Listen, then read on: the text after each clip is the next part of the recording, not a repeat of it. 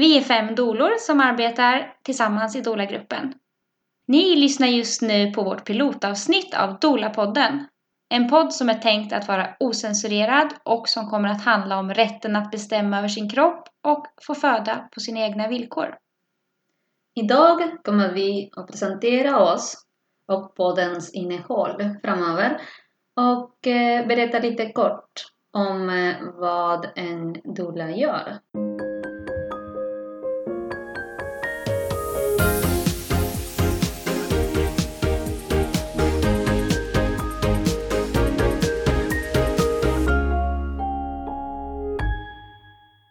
Jag heter Anna Bergman och i den här podden så kommer vi att prata om hur det går till att anlita en doula och vad en doula kan hjälpa till med. Att en förlossning är så mycket mer än det fysiska och det medicinska. Vi kommer att prata om begreppet mothering the mother och vad en födande behöver för att gå igenom passagen in i föräldraskapet. Vi går också igenom spinning babies och hur det underlättar förlossningen. Om första tiden med bebisen och vad en postpartum doula gör om hur du bäst förbereder dig inför förlossningen, om att föda på sjukhus och att föda hemma, om amning och matning och mycket, mycket mer. Vi kommer att prata utifrån vår erfarenhet som dolor, men även bjuda in gäster med olika bakgrund och perspektiv på födandet och allt som rör det ämnet. Podden riktar sig till alla som har intresse för graviditet, förlossning och bebistiden oavsett ålder, kunskap eller erfarenhet. Vi tänkte börja med att presentera oss lite så att ni får en känsla av vilka vi är. Anna, vill du börja? Ja. Eh, jag heter alltså Anna Bergman och är utbildad Odistola och nyss färdig hjälpmamma för Amningshjälpen. Jag är också utbildad inom spinning babies och reiki ehm, som är en japansk healingmetod. Jag är mamma till två barn och gravid med mitt tredje.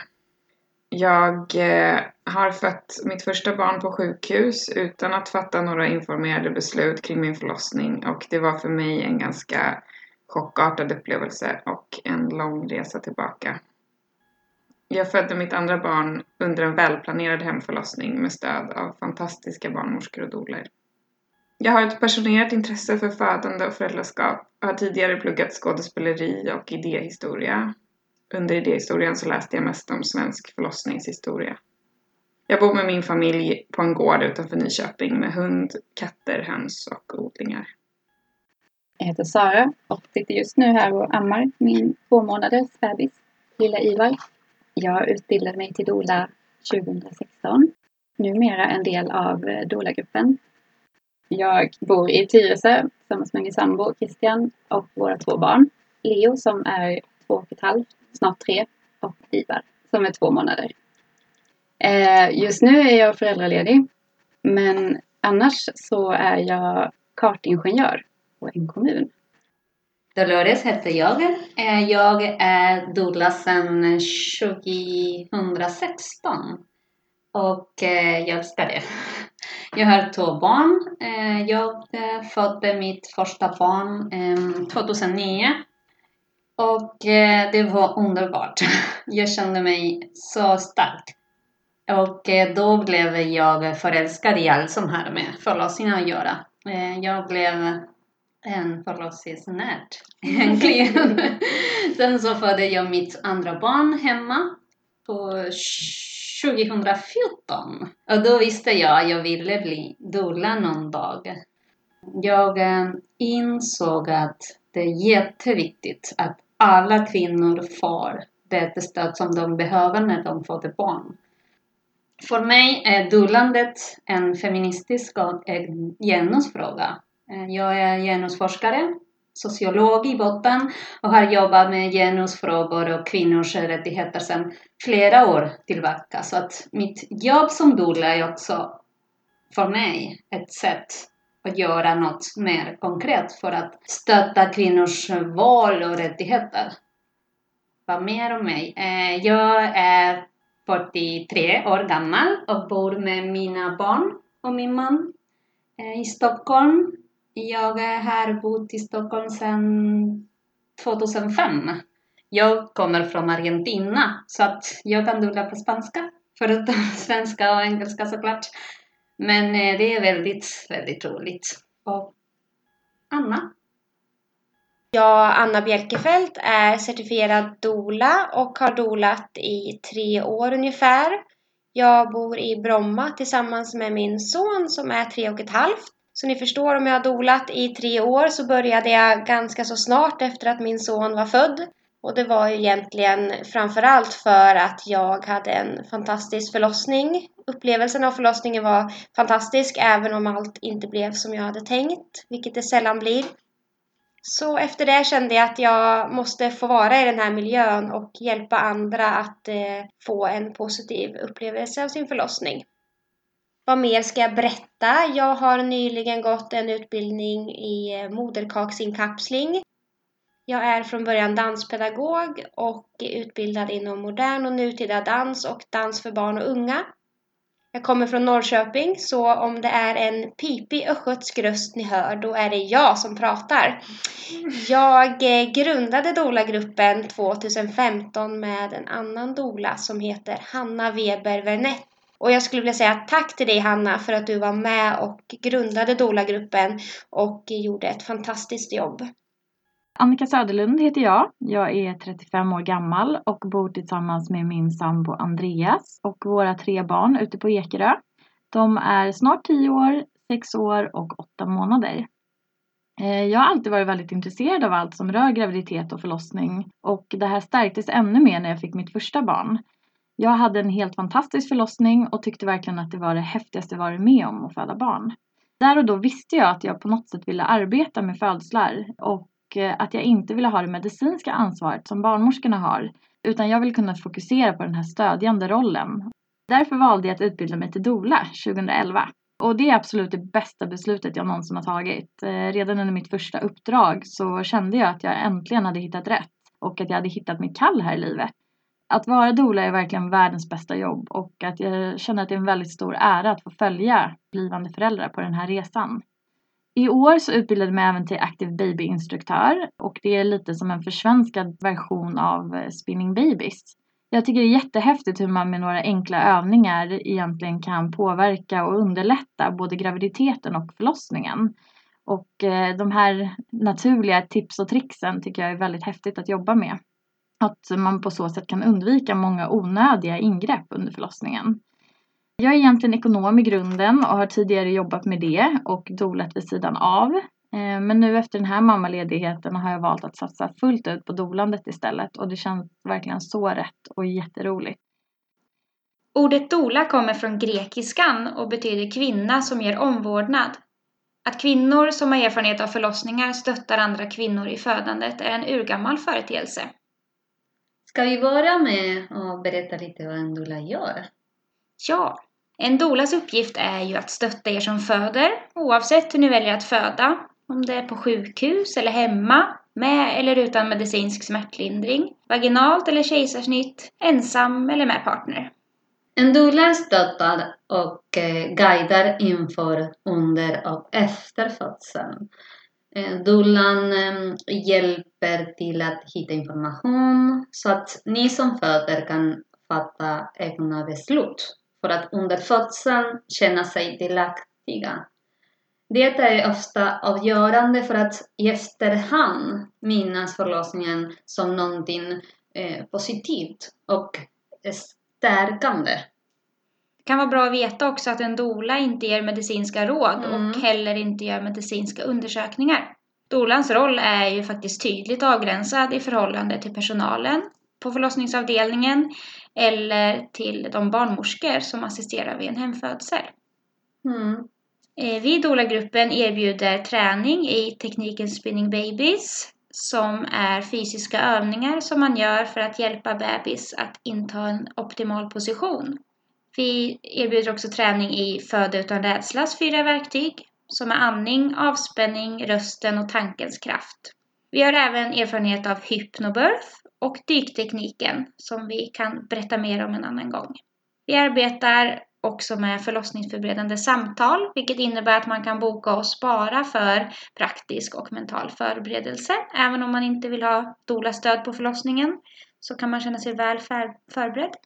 Vi har också postpartumstöd vilket innebär att vi kan stötta föräldrar efter förlossningen.